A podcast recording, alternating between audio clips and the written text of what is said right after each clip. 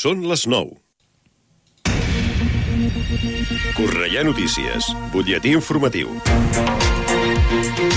Molt bona nit, els parla Verónica Tomico. El govern català regula els habitatges d'ús turístic en 84 municipis de l'àmbit metropolità de Barcelona amb un règim de llicència urbanística prèvia. Cornellà és una de les ciutats incloses en el llistat de municipis afectats. Aquests ajuntaments hauran de modificar el seu planejament urbanístic per recollir expressament la possibilitat d'acollir pisos turístics, justificant que tenen prou sol per a l'habitatge permanent i sense sobrepassar els 10 pisos turístics per cada 100 habitants. L'Auditori de Cornellà acull demà una donació de sang. El Banc de Sang i de Teixits fa una crida a la solidaritat de la ciutadania cornellanenca. Es podrà assistir a fer les donacions des de les 5 de la tarda i fins a les 9 del vespre. Els requisits per donar sang són tenir entre 18 i 70 anys i pesar més de 50 quilos. Es recomana a la ciutadania que reservi cita prèvia a través del web donasang.gencat.cat. El programa L'Èxit busca voluntaris i voluntàries a Cornellà per impulsar la ciutat. És un dels 150 municipis de Catalunya que participa en aquest programa promogut per la Fundació Bofill. Aquest té per objectiu impulsar l'èxit educatiu a través de la millora de la comprensió lectora dels infants. La idea és que de novembre a maig les persones participants vulguin dedicar una hora setmanal a un infant participant al programa que es durà a terme a les escoles Montserrat i mossèn Jacint Verdaguer. I la Cornellà Band de la Societat Coral La Unió oferirà un concert solidari a favor de l'Associació contra el Càncer de Cornellà. La cita és dissabte a les 7 del vespre al Patronat Cultural i Recreatiu. Per aquest esdeveniment funcionarà la taquilla inversa. Fins aquí aquest butlletí informatiu. Poden seguir informats de l'actualitat de la nostra ciutat al Cornellà Notícies de la una del migdia, als butlletins horaris i a l'app i la web de Ràdio Cornellà. També trobaran les darreres actualitzacions i notícies al radiocornellà.cat i a les xarxes socials de la ràdio, Twitter, Facebook i Instagram. Ara el temps. Connectem amb l'Agència Estatal de Meteorologia. Bona nit. Demà dijous tindrem un cel ennuvolat amb probabilitat de precipitacions durant la primera meitat del dia, especialment a la vessant nord del Pirineu i al terç oest, on a més la cota de neu al Pirineu estarà entorn als 1.800-2.000 metres. El vent bufarà de ponent al litoral durant les primeres hores del matí i de mestral al prelitoral durant les hores centrals del dia. Temperatures que pugen generalment, sobretot a la depressió central de Lleida. Arribarem de màxima als 21 graus a Tarragona, 19 a Barcelona i 18 a Girona i Lleida. És una informació de l'Agència Estatal de Meteorologia. L'informació de Cornellà. Més a prop, impossible. Ràdio Cornellà, 104.6 FM.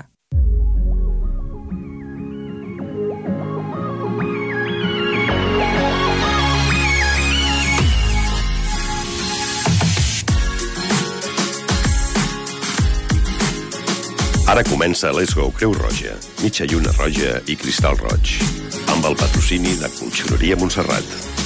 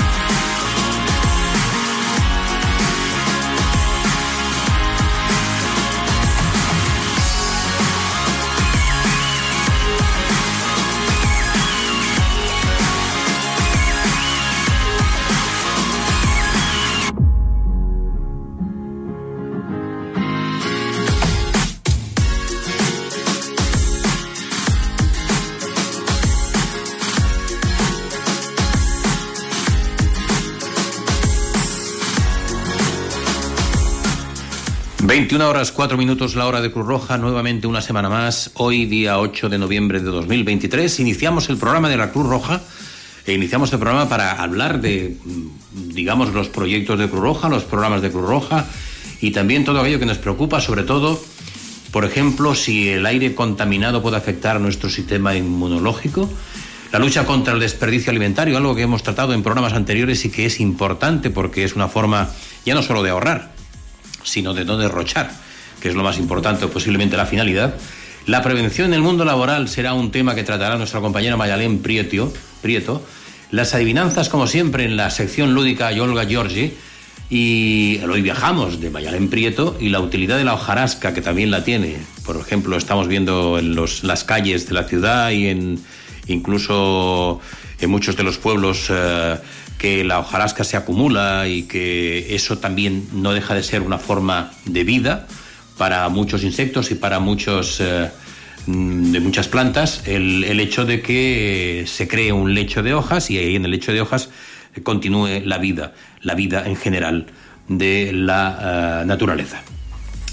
Finalmente, eh, hablaremos también de, una, de siete alimentos que nos ayudan a tener eh, más energía, porque la alimentación es importante y es importante también mantenerla, cuidarla e incluso llevarla equilibrada, sobre todo equilibrada.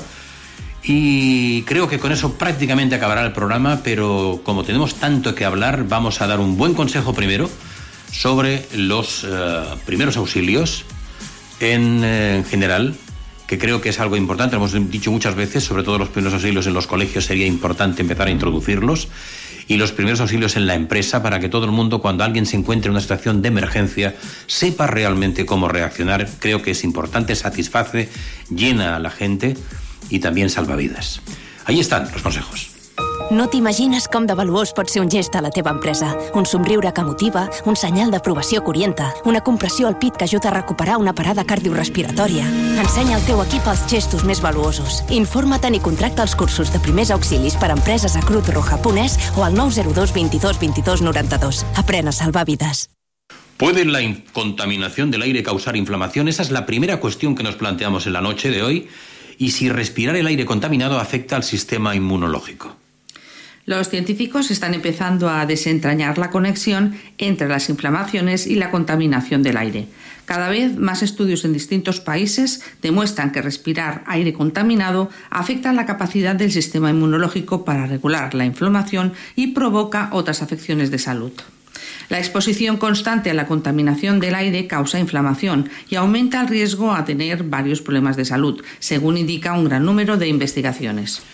A medida que más incendios forestales causados por el cambio climático generan humo y las carreteras se llenan de vehículos que usan combustibles fósiles, contaminan el aire respirable, los científicos están concluyendo con detalles porque el hecho de respirar aire altamente contaminado afecta la capacidad del sistema inmunológico para regular la inflamación es necesario que se enfatice la necesidad de crear regulaciones más estrictas para reducir la contaminación del aire, pautas más claras para proteger a las personas de las exposiciones, por ejemplo a través de alertas sobre cuándo usar mascarillas o permanecer en el interior, y a la vez seguir investigando para determinar mejor el daño causado por la contaminación del aire. Ponemos un ejemplo de los Estados Unidos, pero que ciertamente es extrapolable a cualquier sitio que presente las mismas características. La calidad del aire ha sido durante mucho tiempo una preocupación en el sur de Filadelfia, Estados Unidos, donde una refinería de petróleo funcionó durante más de 150 años antes de que una explosión la incendiara en el año 2019. Hoy en día, muchas personas en la zona, densamente poblada por personas de bajos ingresos y de minorías, tienen distintas afecciones como el asma, cáncer, enfermedades cardiovasculares, artritis reumatoide, diabetes, entre otras. Una epidemióloga ambiental de la Universidad de Drexel, en Filadelfia, quien trabaja actualmente en un estudio para monitorizar la calidad del aire durante el desmontaje de la refinería, afirma que todas estas afecciones operan a través de un camino inflamatorio. La contaminación del aire abarca una gama de gases y partículas de diferentes tamaños y composición que pueden provenir de diversas fuentes como coches, fábricas que queman combustibles fósiles como el gas natural, el petróleo e incluso fenómenos naturales como incendios forestales, volcanes y tormentas de arena. Los componentes de la contaminación del aire incluyen dióxido de azufre, ozono, plomo y partículas. La quema de combustibles fósiles también emite sustancias químicas tóxicas. Respirar constantemente estos contaminantes puede provocar problemas de salud, según muchos estudios que han relacionado la exposición crónica a la contaminación del aire con enfermedades respiratorias y cardiovasculares, problemas neurológicos, cánceres y muerte prematura. Vivir permanentemente con la contaminación puede hacer que las personas nos volvamos más vulnerables a las enfermedades infecciosas, posiblemente incluyendo el COVID-19. Múltiples estudios que se han realizado a partir del 2020 han señalado tasas potencialmente más altas de infección, complicaciones y muerte por COVID en lugares con niveles más altos de contaminación del aire. Los virus y otros invasores extraños también causan reacciones inflamatorias, pero a diferencia de los virus, las partículas también pueden alejarse físicamente en los pulmones donde continúan induciendo la producción de moléculas inflamatorias. La contaminación también puede introducir metales y otras sustancias al torrente sanguíneo y esos pueden tener efectos tóxicos. Se ha analizado que las personas de bajos ingresos viven y trabajan cerca de carreteras y áreas industriales, a menudo porque los costos son más bajos, pero los niveles de contaminación del aire son más altos. Los mismos grupos también experimentan tasas más altas de enfermedades como la diabetes y a la vez se enfrentan a barreras contra actividades que ayudan a reducir la inflamación, como el ejercicio, el sueño y una buena dieta. Entre los niños que viven con los mismos niveles de dióxido de nitrógeno, un gas emitido por la quema de combustibles fósiles, solo aquellos que han estado expuestos a la violencia tuvieron un aumento en los diagnósticos de asma, lo que sugiere que sus sistemas inmunológicos se vieron comprometidos por el estrés, haciéndolos más vulnerables a los efectos de la contaminación del aire. La contaminación del aire es un problema global. Nuestro cuerpo no tiene capacidad de respuesta inmunológica frente a tantas agresiones externas. Todos compartimos el mismo aire, por lo que urgentemente hay que tomar conciencia en la necesidad de respirar un aire más limpio y evitar respirar aire contaminado. Primero evitando contaminarlo y en último extremo evitando respirarlo con mascarillas o simplemente alejándose en lo posible del foco de, contaminación. En ello va nuestra salud. Aún no lo sabes, pero cada mañana hay personas que se levantan y necesitan sentir que tienen a alguien a su lado. Niños y niñas, jóvenes, mayores, inmigrantes, personas sin hogar. Con tu esfuerzo puedes contribuir a que todas ellas recuperen la sonrisa. El voluntariado es un boomerang de vida y vuelta. No lo dudes. Únete a Cruz Roja. Lánzate. Más información en cruzroja.es. Campaña financiada por el Ministerio de Sanidad, Servicios Sociales e Igualdad por solidaridad otros fines de interés social.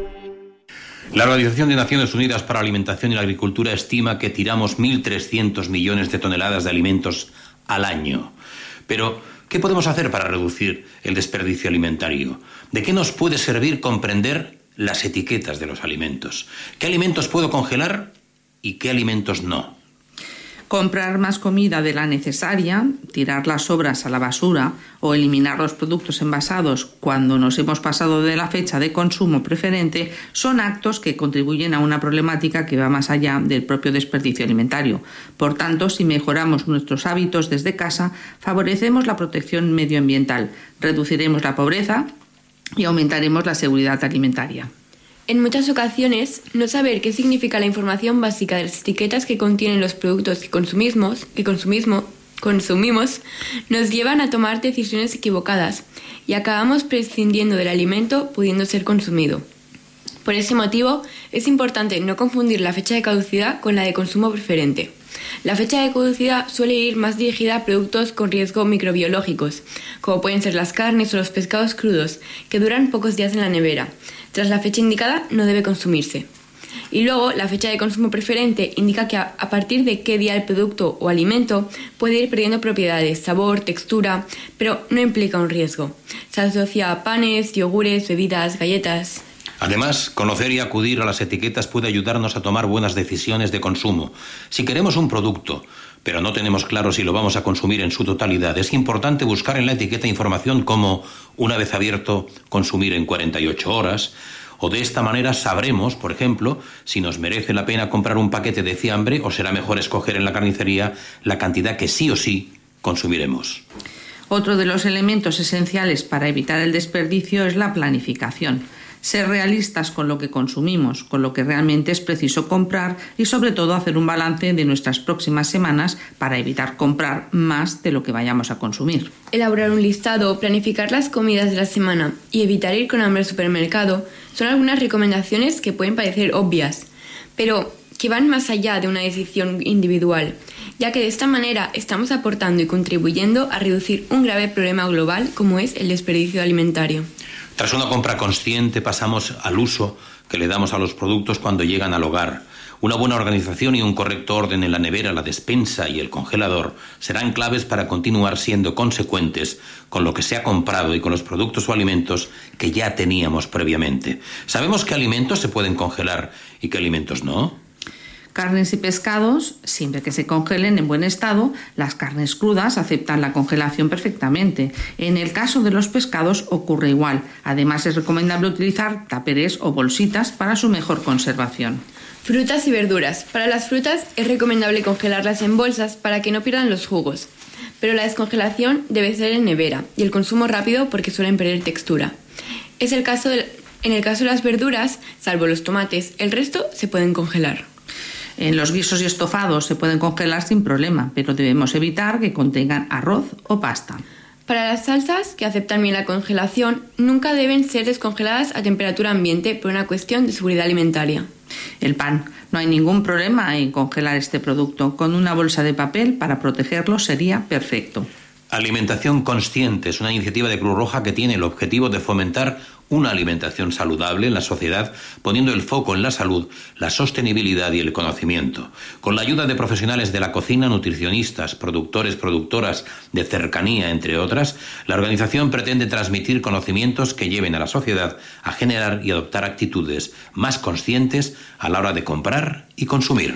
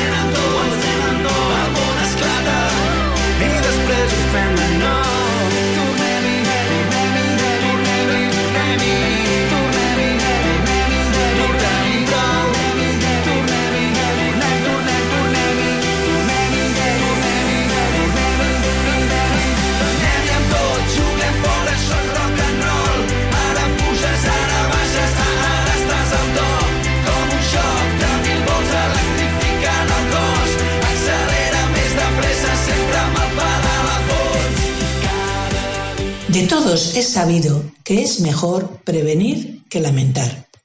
Por lo tanto, en el mundo laboral es necesaria la mejora en la prevención de accidentes de trabajo y enfermedades profesionales, de tal manera que se reduzcan los daños en la salud de las personas trabajadoras. Sobre este tema queremos hablar hoy y esperemos que sea de vuestro interés. La Estrategia Española de Seguridad y Salud en el Trabajo 2023-2027, publicada el 20 de abril, establece actuaciones con el objetivo principal de prevenir los riesgos laborales. Según datos del Ministerio de Trabajo y Economía Social, en 2022 hubo 631.724 accidentes laborales en España.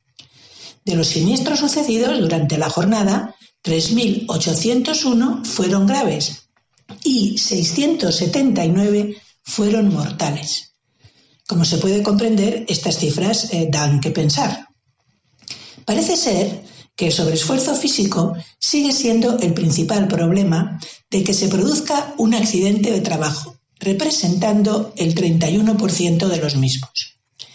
La estrategia que hemos mencionado lo que pretende es investigar y tener conocimiento, así como concienciar sobre los riesgos que provocan los accidentes y los problemas de salud. Sobre las enfermedades profesionales, la estrategia incide en la prevención del cáncer de origen profesional, provocado, por poner algunos ejemplos, eh, por el amianto, el polvo respirado de sílice cristalina, el polvo de la madera, la exposición a agentes químicos, a radiaciones, etcétera, etcétera. Y teniendo en cuenta que el cáncer es considerado como una de las principales causas de muerte relacionada con el trabajo en la Unión Europea.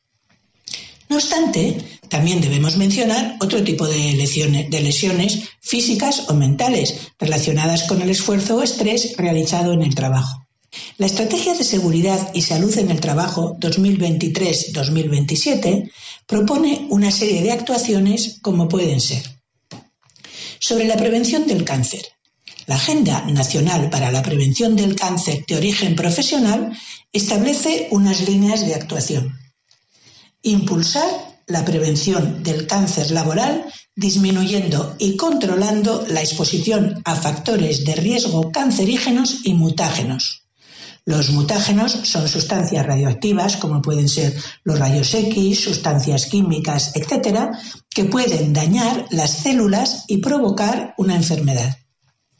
Determinar para cada actividad los agentes y procesos de forma clara y concreta.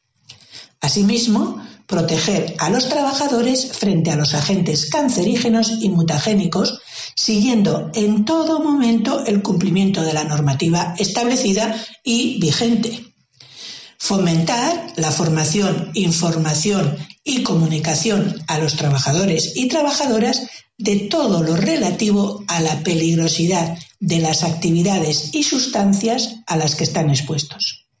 Sobre la gestión de la transformación digital, ecológica y demográfica, como el cambio climático, desde la óptica preventiva, en este sentido, la estrategia establece analizar las disposiciones legales en materia de seguridad y salud, identificando las carencias existentes para poder eh, actualizarlas.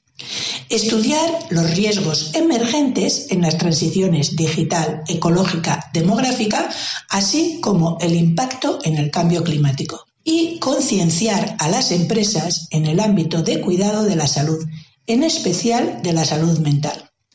Además, se ayudará a las empresas para que se adapten a los cambios tecnológicos y ambientales a través de nuevos modelos de trabajo. En referencia a los colectivos más vulnerables, hay que tener en cuenta que el envejecimiento de la población eh, hace eh, inevitable y significativamente que crezcan los trabajos relacionados con el cuidado y asistencia de las personas mayores. Por ello, se pretende elevar su nivel de protección a aquellos colectivos que se dedican a este ámbito. Las soluciones que la estrategia ofrece son mejorar la protección de las personas trabajadoras autónomas, identificar aquellas personas trabajadoras que presenten peores datos de salud, analizando los factores que les hacen vulnerables para poder incorporar la prevención de riesgos laborales transversalmente en otras políticas públicas. Mejorar la protección de las personas con discapacidad, trabajadores móviles, inmigrantes, temporeros, trabajadores jóvenes y menores de edad, entre otros. Otra de las novedades se trata de incorporar la perspectiva de género en el ámbito de la seguridad y salud laboral. En los últimos años se viene produciendo una significativa incorporación de la mujer en el mundo laboral. Para conseguir esta integración se pretende la actualización del marco normativo para eliminar las desigualdades de los hombres y mujeres en el conjunto de políticas públicas incorporar la perspectiva de género en los procesos de toma y análisis de información, estudiar las condiciones de seguridad y salud para poder mejorar el conocimiento a la exposición de riesgos laborales y daños a la salud de las mujeres. Asimismo, se implantarán actuaciones de sensibilización sobre la necesidad de integrar la perspectiva de género transversalmente en las políticas preventivas. Otra estrategia es el fortalecer el sistema de seguridad para poder afrontar con éxito las futuras crisis, a través de mejorar las instituciones y mecanismos de coordinación. Todo ello a través de establecer mecanismos de coordinación institucional para futuras crisis. La experiencia que hemos tenido de la pandemia ha hecho reflexionar al respecto. Por lo tanto, se desarrollará y fortalecerá el sistema para aprobar criterios de aplicación uniforme y optimizar el uso de recursos públicos. También eh, se pretende reforzar y desarrollar los mecanismos de coordinación y estrategias conjuntas entre administraciones públicas con competencia en seguridad y salud en el trabajo. También mejorar la resiliencia del sistema, poniendo el foco en la formación y capacitación de personas expertas y profesionales. Y el refuerzo del papel de los interlocutores sociales y de los órganos de participación institucional. Respecto a las pymes, pequeña y mediana empresa, el acuerdo quiere mejorar la gestión de la seguridad y salud en las pymes a través de integrar la prevención de riesgos laborales en las pequeñas empresas, promoviendo una mayor implicación de recursos propios. En definitiva, se requiere fomentar la participación directa de las personas trabajadoras en la actividad preventiva, favorecer la integración de la prevención y el arraigo de la cultura de la seguridad y salud de la empresa. Hay que traer aquí a colación que el 97% de las empresas españolas cuenta con menos de 50 personas trabajadoras y el 95% menos de 26. Por tanto, las pequeñas empresas constituyen una parte fundamental para el desarrollo productivo de nuestro país en todos los sectores de actividad económica. La estrategia en sí establece estos puntos para acercar la prevención de riesgos laborales a las pequeñas empresas y apoyarlas en su gestión. Y para ello se propone analizar y modificar la normativa para facilitar su aplicación a las pymes, para mejorar y favorecer la integración de la prevención a través de un equilibrio adecuado entre recursos propios y ajenos en la organización preventiva mejorar la formación de empresarios y trabajadores para gestionar de manera eficaz la seguridad y salud de sus organizaciones. También se pretende mejorar las herramientas de apoyo a las pequeñas empresas para llevar a cabo una gestión de los riesgos de manera eficaz en función de la naturaleza de su actividad y riesgos.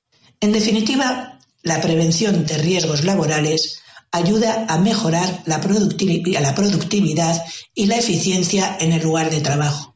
El hecho de que los trabajadores se sientan seguros y protegidos implica que realizan sus tareas de manera eficiente y como consecuencia se mejora la calidad del trabajo y en definitiva la rentabilidad de la empresa. Es muy importante proteger la seguridad y la salud del trabajador. Aún no lo sabes, pero cada mañana hay personas que se levantan y necesitan sentir que tienen a alguien a su lado. Niños y niñas, jóvenes, mayores, inmigrantes, personas sin hogar. Con tu esfuerzo puedes contribuir a que todas ellas recuperen la sonrisa. El voluntariado es un boomerang de vida y vuelta. No lo dudes. Únete a Cruz Roja. Lánzate. Más información en cruzroja.es. Campaña financiada por el Ministerio de Sanidad, Servicios Sociales e Igualdad por solidaridad a otros fines de interés social. Es una llamada al voluntariado y al voluntariado vamos a llamarle también precisamente porque tenemos una, un gran reto por delante, que este año, los días 24 y 25 de noviembre, tenemos el vuelve el Gran Recapta. Súmate al voluntariado en Cornellá del Gran Recapta los días 24 y 25 de noviembre porque os necesitamos. El próximo mes de noviembre comienza una nueva edición del Gran Recapta.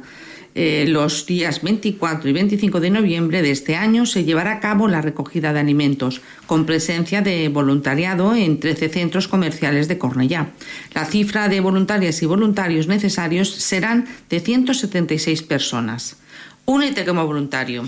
La campaña del Gran Recapta propiamente continuará hasta el 30 de noviembre, de forma que también se podrá hacer donativos en las líneas de, la- de la- de caja de los centros y por Bizum al 33 59 6. 33 59 6 es el número de Bizum para los donativos de esa gran campaña del Gran Recapta. Des de la botiga solidària de Cornellà, conjuntamente con el Banc dels Aliments, trabajan intensamente para que el Gran Recapta vuelva a ser el punto de encuentro para todas aquellas personas, empresas e instituciones que quieren ayudar a las familias en situación de vulnerabilidad de nuestro entorno. Volveremos a necesitar vuestra colaboración habitual, gracias a la cual año tras año el Gran Recapte se ha convertido en uno de los movimientos ciudadanos de acción solidaria más importantes de Cataluña. Desde la Botiga Solidaria de Cornellà, con la colaboración de Creu Roja Cornellà, volvemos a hacer un llamamiento a personas comprometidas con la solidaridad y la sostenibilidad. Necesitamos vuestro apoyo y vuestro empuje para hacer el Gran Recapta aún más grande. Súmate al voluntariado porque ayudar satisface. 21 horas 32 minutos en el 104.6 de la FM en Radio Cornellá, la hora de Cruz Roja es el programa que nos ocupa. Y seguidamente vamos con el- la sección lúdica de nuestra compañera Olga Giorgi, que la semana anterior nos eh, planteaba una adivinanza cuya solución os diremos en breve. Entra solo si le giras la cabeza. Entra solo si le giras la cabeza. Era el planteamiento de la adivinanza de Olga Giorgi la semana pasada.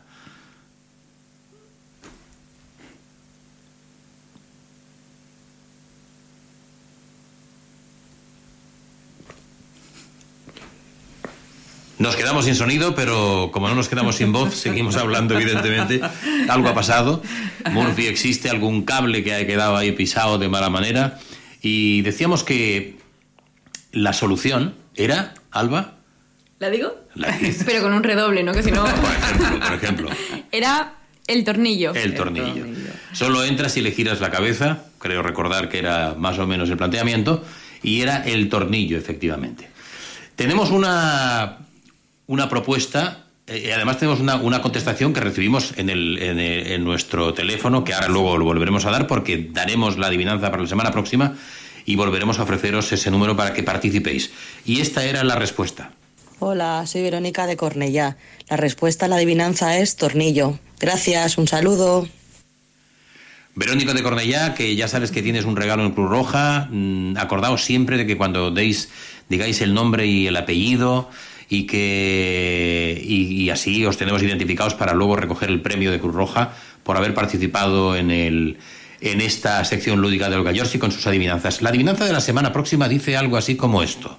Todas las palabras sé y aunque todas las explique, nunca las pronunciaré. Todas las palabras sé y aunque todas las explique, nunca las pronunciaré. La adivinanza está ahí. La solución al 678 43 34 86. 678 43 34 86. Ya lo sabéis, participáis en la hora de Cruz Roja, tenéis un premio de Cruz Roja y ahí está a ver si nos rompemos los cascos para saber exactamente qué pretendía Olga con ese planteamiento que nos ha hecho. Vamos con un consejo y enseguida seguimos con el programa. Tus gestos son muy valiosos. Impulsan, dan fuerza, valor, unen e incluso salvan vidas. Protege. Avisa. Socorre. Aprende a salvar vidas con Cruz Roja. Teníamos concretamente las 21 horas 35 minutos, llevamos prácticamente más de la mitad del programa avanzado, nosotros eh, seguimos con ello y aprende- o sea, tener en cuenta una cosa, antes de que inicie eh, la parte musical que también nos acompaña cada día en el programa, y es que tenemos un teléfono, el 678 43 34 86, para que participéis en las adivinanzas. Y luego tenemos otra que de nuestra compañera Mayalén, que siempre nos hace un Hoy Viajamos, nos lleva a un punto geográfico de España y hemos de adivinar de qué se trata. Pero ahora, como decía, la música siempre presente en la hora de Cruz Roja.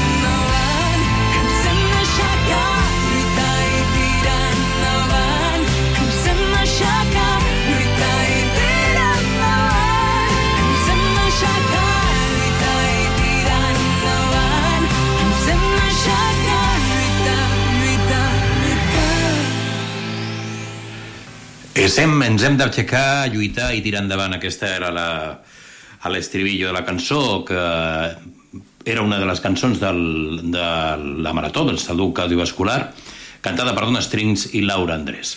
Continuem, doncs, amb el nostre programa. Sabeu que tenim una secció que la nostra companyera Mayalén Prieto ens fa una introducció sobre un lloc concret de la geografia. La setmana anterior ens va parlar d'un quan deia més o menys això. Hoy viajamos a un pueblecito con encanto, que se encuentra a una hora 29 minutos aproximadamente por la AP7. Su nombre significa fortaleza entre dos ríos y se encuentra en la provincia de Gerona. Esta población, de origen medieval, se desarrolló alrededor de un castillo de principios del siglo X. Entre algunos de sus puntos de interés está el Pont Vell, obra del siglo XI, el monasterio de San Pere del siglo X o la Casa Cornellà, vivienda típica de la nobleza medieval y uno de los edificios mejor conservados de toda Cataluña. Si viajáis a esta población, estaréis rodeados de arquitectura románica, que os llevará a la época del más puro amor cortés. ¿De qué población se trata? ¿En qué comarca de Cataluña se encuentra? Animaros y llamar al número de teléfono que se os indicará. Y si acertáis, ya sabéis que os espera un obsequio sorpresa. 21 hores 40 minuts, d'origen medieval, té la casa Cornellà, etc etc i tenem el nostre concursant que ens va donar la solució i que ens deia això. Hola, bona tarda. Uh, la resposta de la pregunta de la setmana passada, quin lloc era, és de Besalú. Soc jo, en Joan Puig Sosete, d'aquí. Vale, bona tarda. Joan Puig, ja saps que tens un premi a l'hora de a, la, a Creu Roja, a l'hora de Creu Roja te'l donem, però a l'assemblea de Creu Roja és on el podràs recollir. Per tant, eh, ets el premiat amb aquest, eh, amb aquest concurs i amb aquesta solució de Besalú. I ara atents perquè és la pregunta del Hoy Viajamos de la setmana que ve, o sigui, d'aquesta setmana. El número de telèfon, recordeu, 678 43 34 86, 678 43 34 86. I diu així. En Hoy Viajamos, de nuevo nos quedamos en Cataluña y os llevamos a una de las 28 reservas naturales del Parque Natural Can Serra. Este parque crece sobre la colada del volcán del Croscat. Se trata de un bosque de hayas, excepcional por crecer sobre la colada de lava del volcán mencionado y en un lugar llano, con colinas suaves y una altitud de 550 metros. Fuente de inspiración de artistas como Joan Maragall, que escribió el poema que la hizo famosa. A la entrada del itinerario hay un monolito dedicado al poeta. Para dar más pistas, el parque natural se encuentra en la zona volcánica de la Garrocha. Merece la pena visitarlo. Ánimo y si tenéis el resultado, llamar al teléfono que se os indicará. Efectivament, 678 43 34 86, un bosque de hayas que crece sobre la colada del Cruscat y no está muy complicado. Así que recordamos el teléfono el 678 43 34 86 y tenemos un consejo. Abuela.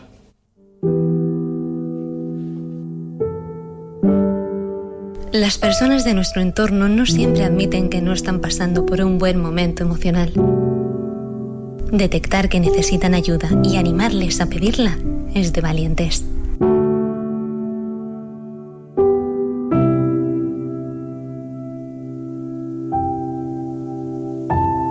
Llámanos 900 107 917.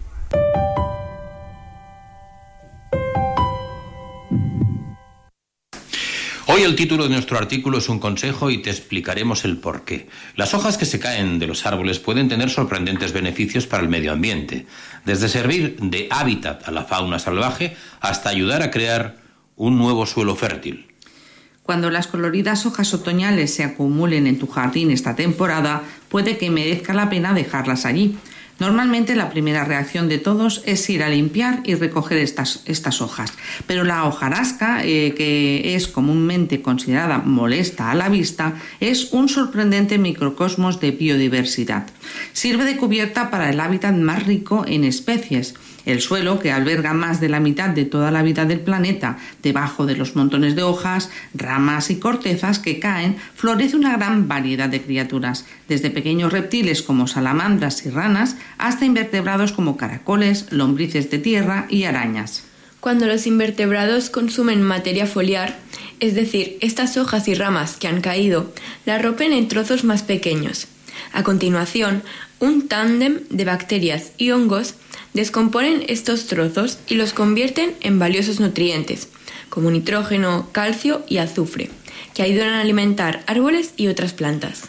Todos esos procesos naturales ayudan a reponer el suelo y contribuyen al ciclo vital a medida que la materia vegetal muerta se transforma en sustento para las plantas vivas. Aunque en la hojarasca pueda parecer que no haya más que hojas, bajo el follaje se está creando un mundo microscópico de actividad. Como microhábitat, la hojarasca es diversa.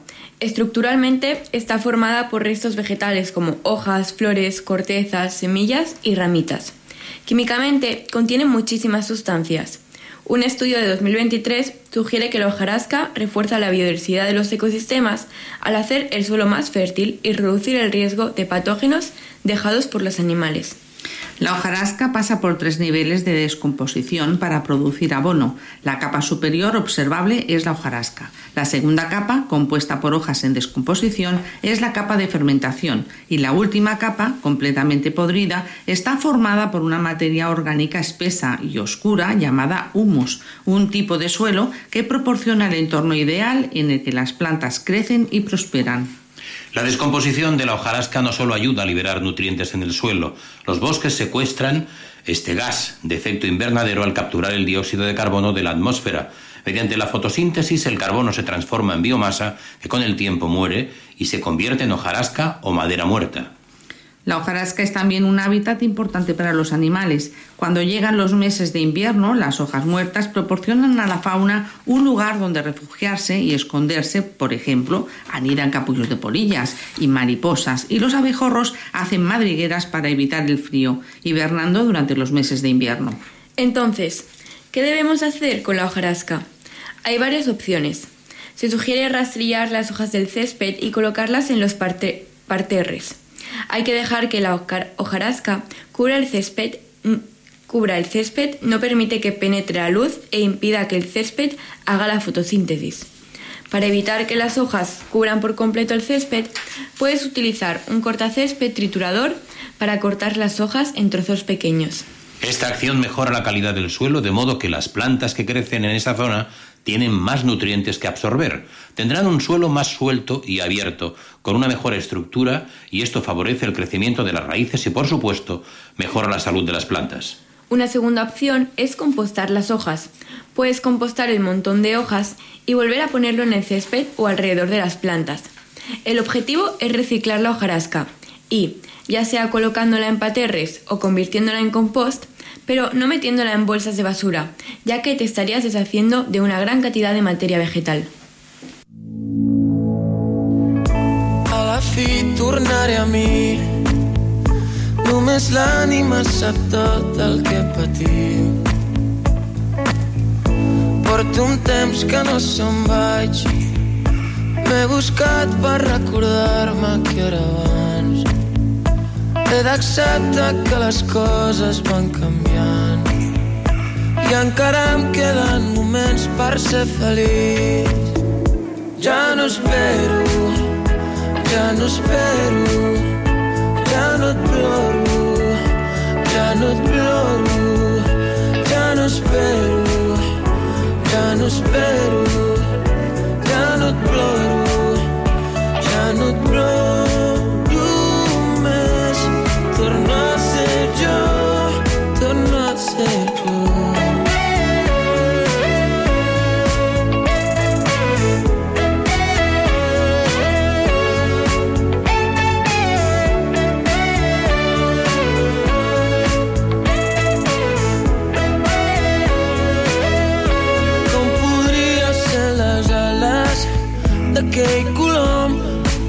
que em despisqueix no puc ser el que no sóc tampoc puc ser la calor d'aquell vell mes d'agost.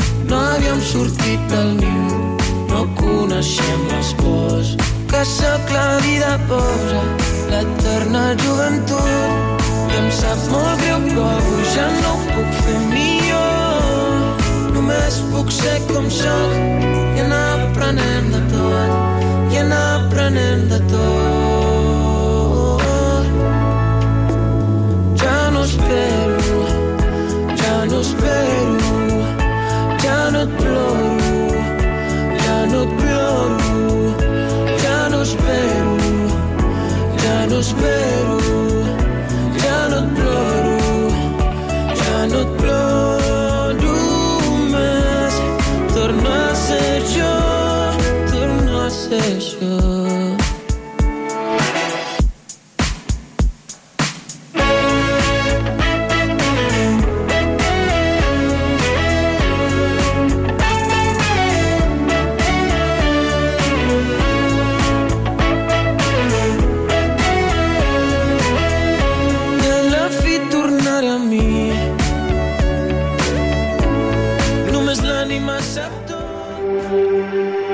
Voluntaria de Cruz Roja para mí es mi vida ahora mismo. Desde que me metí en Cruz Roja me encuentro feliz, que yo salgo de mi casa y sé que me voy a encontrar con gente que a mí me aportan mucho. Nosotros nos llamamos la familia de la Cruz Roja, o sea que es muy indicativo, ¿no? Hablas con ellos, entablas una relación, ¿no? Entonces eso es lo que te hace que tú sientas que, que Cruz Roja es tu casa. Cada vez nos parece que todo es más difícil de conseguir o que nos parece muy difícil que las cosas cambien.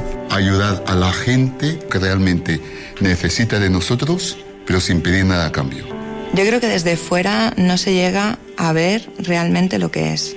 Porque si lo conocieran y vieran lo que aporta, yo estoy segura de que habría más voluntarios. Ser voluntario mm, puede ser todo el mundo. Aquí nadie es mejor o peor, todos tenemos algo que aportar. No, no necesitas tener una titulación, no necesitas tener absolutamente nada. Con ser tú mismo ya es más que suficiente.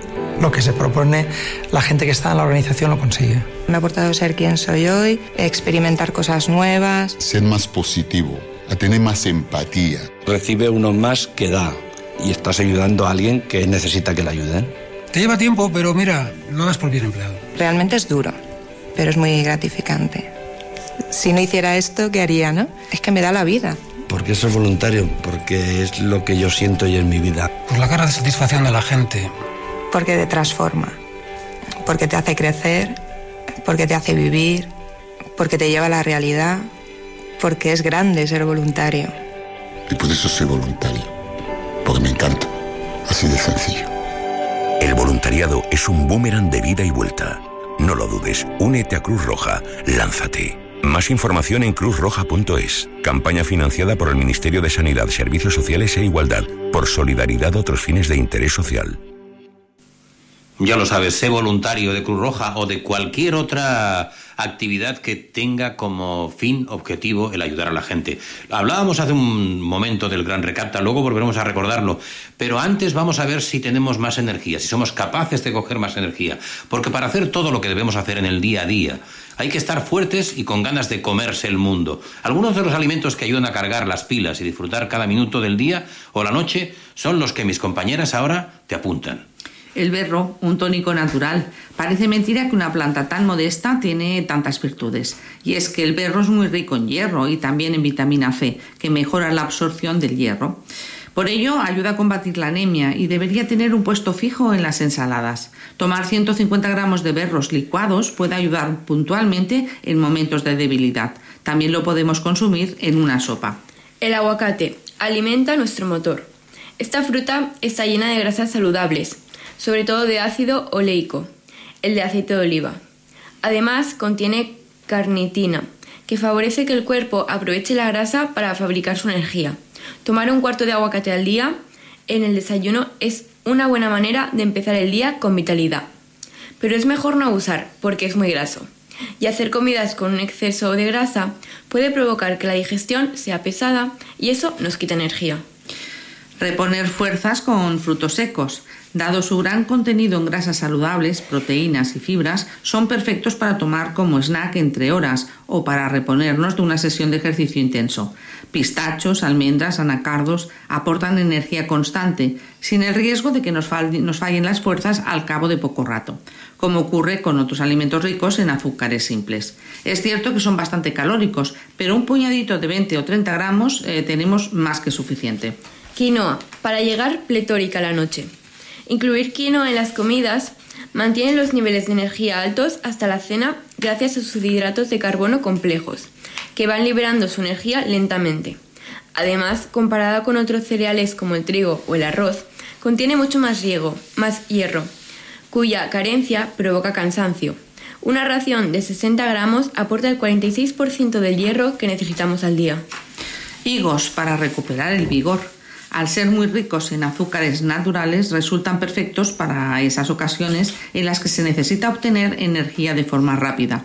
También cuando se necesita tomar algo para mantener la actividad normal, pero no apetece comer nada. ¿Engordan mucho? Dos higos frescos dan mucha vitalidad y no pasan de unas 100 kilocalorías. Sardinas. Convierte grasa en energía. Las sardinas, como el resto del pescado azul, son ricas en omega 3, unos ácidos grasos esenciales que mejoran la resistencia a la insulina y favorecen la flexibilidad metabólica. Dicha flexibilidad hace que nuestro organismo sea más eficaz a la hora de transformar los hidratos de carbono y la grasa en combustible. Tendrás más energía en cualquier situación. La remolacha ideal si haces deporte. Esta hortaliza es rica en nitratos, unos compuestos químicos que se transforman en óxido nítrico en nuestro organismo. El óxido nítrico es un vasodilatador natural que aumenta el flujo sanguíneo a los músculos, haciendo que les llegue más oxígeno y funcionen mejor y se recuperen antes de un esfuerzo. Si vamos a hacer un deporte o un esfuerzo intenso, puede ser una buena idea tomar antes un vaso de su zumo. Hasta aquí llegaron las siete, los siete alimentos que nos dan energía. Volveremos a recapitularlos en cualquier otro programa posterior de la hora de Cruz Roja, como sabéis. Y estamos prácticamente llegando al punto y final del programa de hoy. Pero no antes sin recordaros que los días 24 y 25 de noviembre de 2023 habrán, se recogerá el Gran Recapta, que es una recogida de alimentos que una serie de personas voluntarias se distribuirán en 13 centros comerciales en Cornellá y tienen como misión el que el gran recapta de este año sea aún más grande. Acuérdate de que puedes participar y que de hecho te necesitamos para formar parte de ese grupo de personas voluntarias que los días 24 y 25 de noviembre tienen como misión especial el recoger un gran recapta para todas las familias vulnerables. Está organizado por la Botiga Solidaria de Cornellá, por el Banco de Alimentos y tiene la colaboración de Cruz Roja Cornella. 21 horas 56 minutos, ya 57. Nos vamos con la música y en breve también no tendremos más remedio que despedirnos hasta la semana que viene. Así que más música.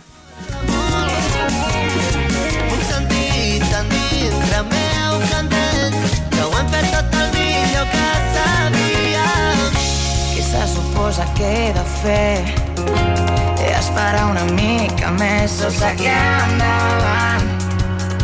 No hi ha res a parlar. Ai. Necessito espai per pensar-me i la força per estimar-me. Perquè tinc passatemps per tu i ara l'amor el ves tan lluny. Oh, creus en la vida després de